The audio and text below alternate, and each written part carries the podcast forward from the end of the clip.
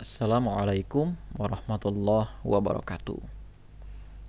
Alhamdulillah rekan-rekan sekalian kita diberikan lagi kesempatan oleh Allah Subhanahu wa taala untuk menyimak kisah Rasulullah Shallallahu alaihi wasallam.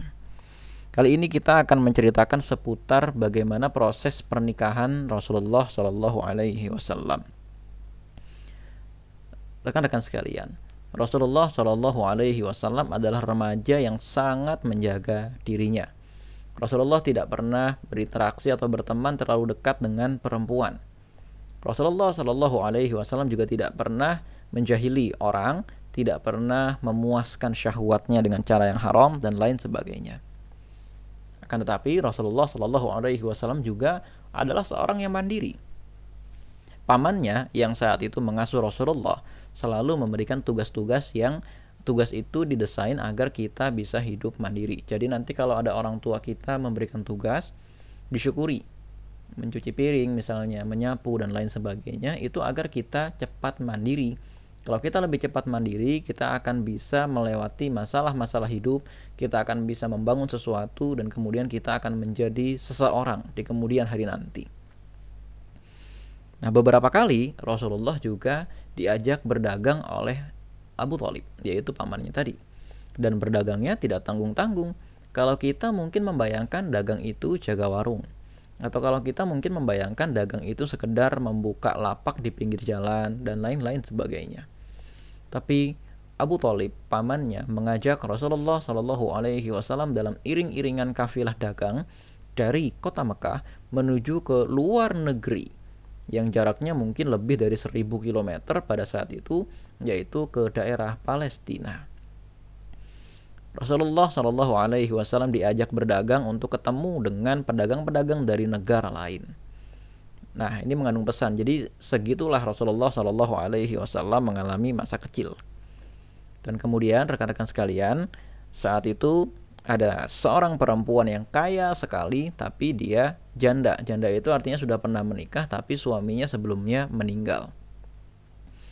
Namanya Khadijah, usianya 40 tahun dan perempuan ini sangatlah kaya.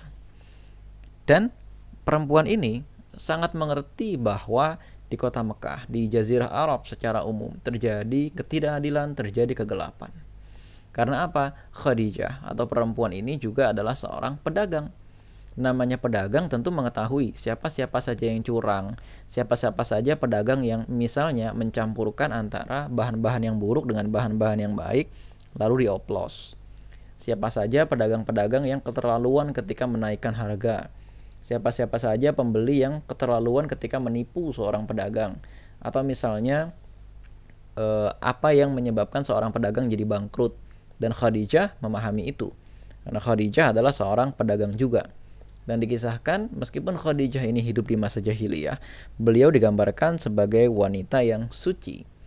Namanya wanita suci, perdagangan yang beliau lakukan tidak mengakibatkan beliau atau Khadijah berinteraksi secara berlebihan kepada lawan jenis sehingga mengakibatkan adanya fitnah. Misalnya seolah-olah Khadijah itu berzina atau seolah-olah Khadijah itu pacaran padahal Khadijah itu kaya dan saat itu tidak ada agama yang benar. Artinya tidak ada juga yang melarang kalau Khadijah itu berzina. Akan tetapi Khadijah itu punya rasa malu yang luar biasa. Nah, rekan-rekan sekalian, saat itu Rasulullah Shallallahu Alaihi Wasallam sebagai seorang lajang berusia 25 tahun oleh penduduk kota Mekah digelari sebagai Al-Amin atau yang terpercaya. Karena beberapa kali Rasulullah Shallallahu Alaihi Wasallam menyelesaikan masalah orang lain, menyelesaikan masalah yang terjadi di kotanya.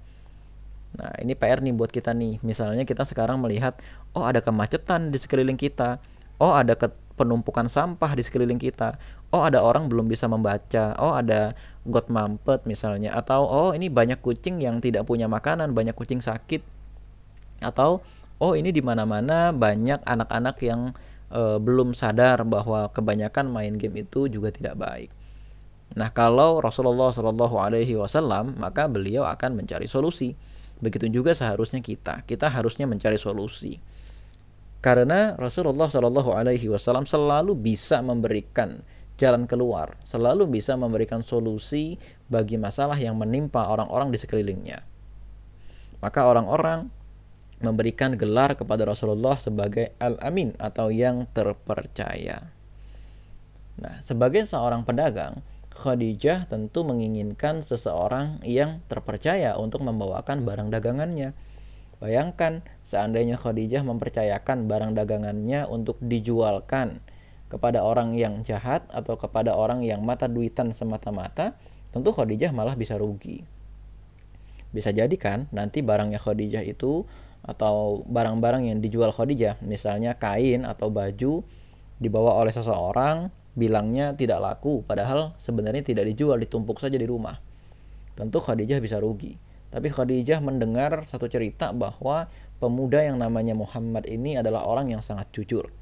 Dan pemuda yang namanya Muhammad ini juga tidak suka menyembah berhala, tidak suka minum minuman keras, e, kalau bicara itu jelas dan lain sebagainya. Maka Khadijah kemudian menyewa jasa Rasulullah Shallallahu Alaihi Wasallam. Kata Khadijah, tolong bawakan barang-barang dagangan saya ini, nanti engkau akan aku bayar e, dua kali lipat atau empat kali lipat daripada orang yang biasa membawakan ini semua. Singkat cerita, Khadijah merasa tertarik dengan kepribadian Rasulullah Shallallahu Alaihi Wasallam. Singkat cerita, akhirnya Khadijah pun menikah. Nah, dalam proses pernikahan Khadijah radhiyallahu anha tidak ada proses pacaran. Artinya semuanya berjalan melalui perantara. Khadijah nitip kepada kawannya yang seorang perempuan namanya Nafisah untuk tolong dikenalkan kepada Muhammad, tolong niat baiknya untuk menikahi Nabi Muhammad itu disampaikan. Dan Nabi Muhammad Shallallahu Alaihi Wasallam juga mengetahui ada perempuan yang suka kepadanya, tidak kemudian dipacari, tidak. Nabi Muhammad menjaga kemuliaan kalau memang jodoh ayo segera menikah. Dan akhirnya mereka pun menikah. Yang menjadi saksi pernikahan mereka pada saat itu adalah Hamzah bin Abdul Muthalib. Nah Hamzah itu adalah paman dari Rasulullah Shallallahu Alaihi Wasallam. Nah rekan-rekan sekalian kalau kita misalnya menyukai seorang lawan jenis maka jangan pacaran ya sudah jangan pacaran, terus kemudian teman-teman sekalian saling menjaga kesucian seperti Rasulullah Shallallahu Alaihi Wasallam. Saling menjaga kesucian, tidak usah terlalu sering dihubungi, ya, atau kemudian tidak usah mengajak pacaran, tidak usah juga menyatakan cinta, ya. Karena apa? Itu nanti bisa merusak kesucian kita. Itu nanti bisa mengganggu waktu-waktu kita untuk belajar.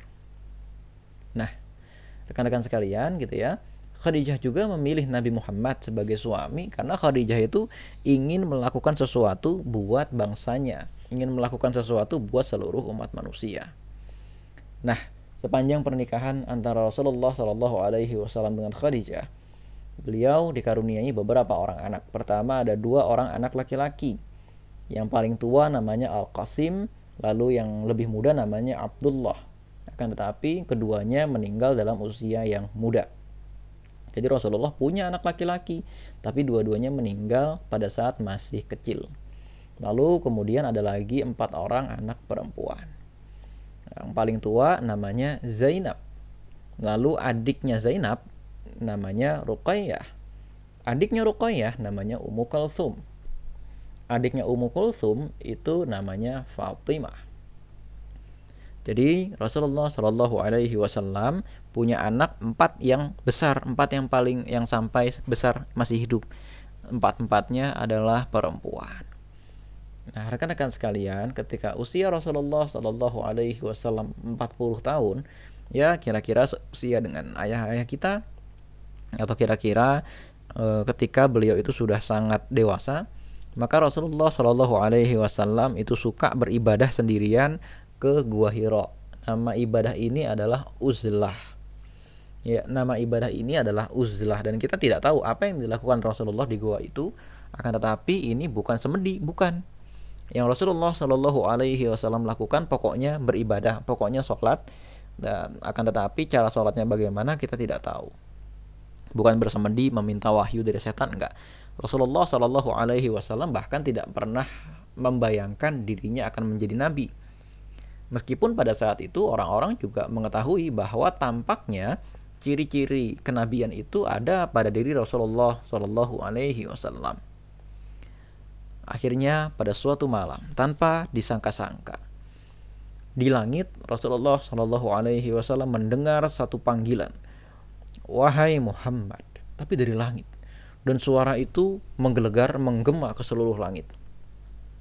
Ketika Rasulullah Shallallahu Alaihi Wasallam melihat ke langit, turunlah seorang malaikat dalam wujudnya yang asli. Nama malaikat ini adalah Jibril. Jibril tiba-tiba memeluk Nabi Muhammad dengan pelukan yang sangat-sangat keras.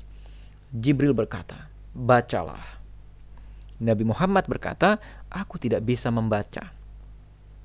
Oleh Jibril dipeluk lagi dengan keras agar Nabi Muhammad tidak menyangka ini sekadar mimpi atau agar Nabi Muhammad juga dalam kondisi yang segar, dalam kondisi yang eh, betul-betul tidak mengira bahwa dirinya sekadar berhayal saja.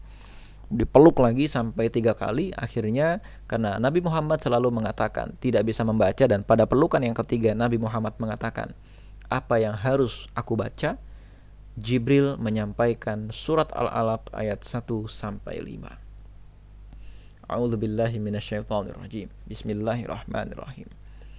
Iqra bismi rabbikal ladzi khalaq. Khalaqal insana min 'alaq.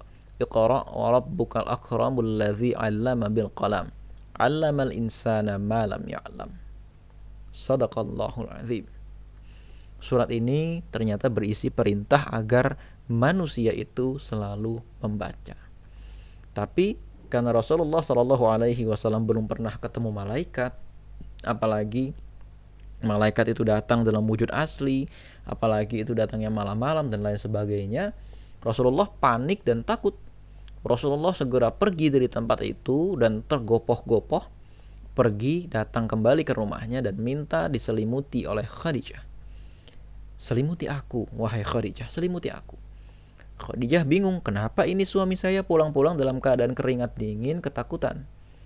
Setelah Rasulullah Shallallahu Alaihi Wasallam tenang dan bisa menguasai dirinya, Khadijah bertanya, ada apa? Nah, Rasulullah cerita bahwa ada sesuatu yang mendatangi dia dan Rasulullah khawatir itu adalah gangguan jin, gangguan gaib atau gangguan dari sihir. Khadijah menjamin enggak, kamu gak akan diganggu jin. Engkau, wahai suamiku, tidak akan diganggu oleh jin. Kamu kan orang baik. Kamu tidak pernah minum khamar. Kamu tidak pernah menyia-nyiakan orang yang datang kepadamu meminta bantuan. Jadi semua orang yang minta bantuan kepada Rasulullah pasti mendapatkan bantuan. Masa iya Allah Subhanahu wa taala menyia-nyiakan Rasulullah? Enggak. Akhirnya Khadijah mengajak Rasulullah Shallallahu alaihi wasallam pergi ke rumah paman Khadijah yang saat itu pamannya Khadijah itu menguasai ilmu pengetahuan masa lampau. Nama paman ini adalah Warakah bin Naufal. Warakah bin Naufal ternyata sudah menunggu datangnya Nabi akhir zaman.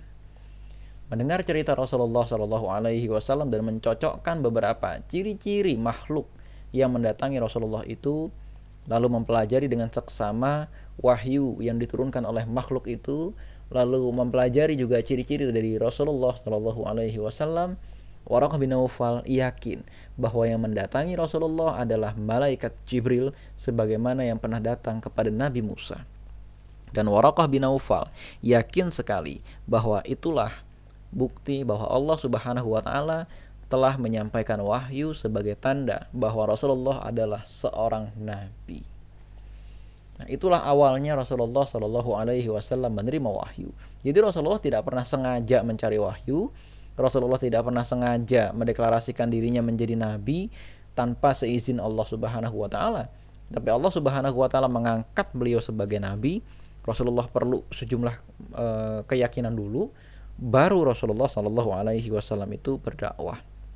Jadi agama Islam ini bukan ciptaan Rasulullah, agama Islam ini juga bukan hasil pemikiran Rasulullah. Akan tetapi agama Islam ini adalah hasil dari wahyu Allah Subhanahu wa taala. Tanpa bimbingan Allah, Nabi Muhammad juga tidak akan mengetahui bagaimana jalan keluar dari bangsa ini, jalan keluar dari umat ini yang dalam keadaan bingung, penuh dengan ketidakadilan, tidak mengetahui siapa itu Allah. Tapi dengan melalui wahyu Allah Subhanahu wa taala memberikan pengetahuan kepada Rasulullah ini caranya untuk membawa manusia lepas dari ketidakadilan dan juga dari kegelapan. Assalamualaikum warahmatullahi wabarakatuh.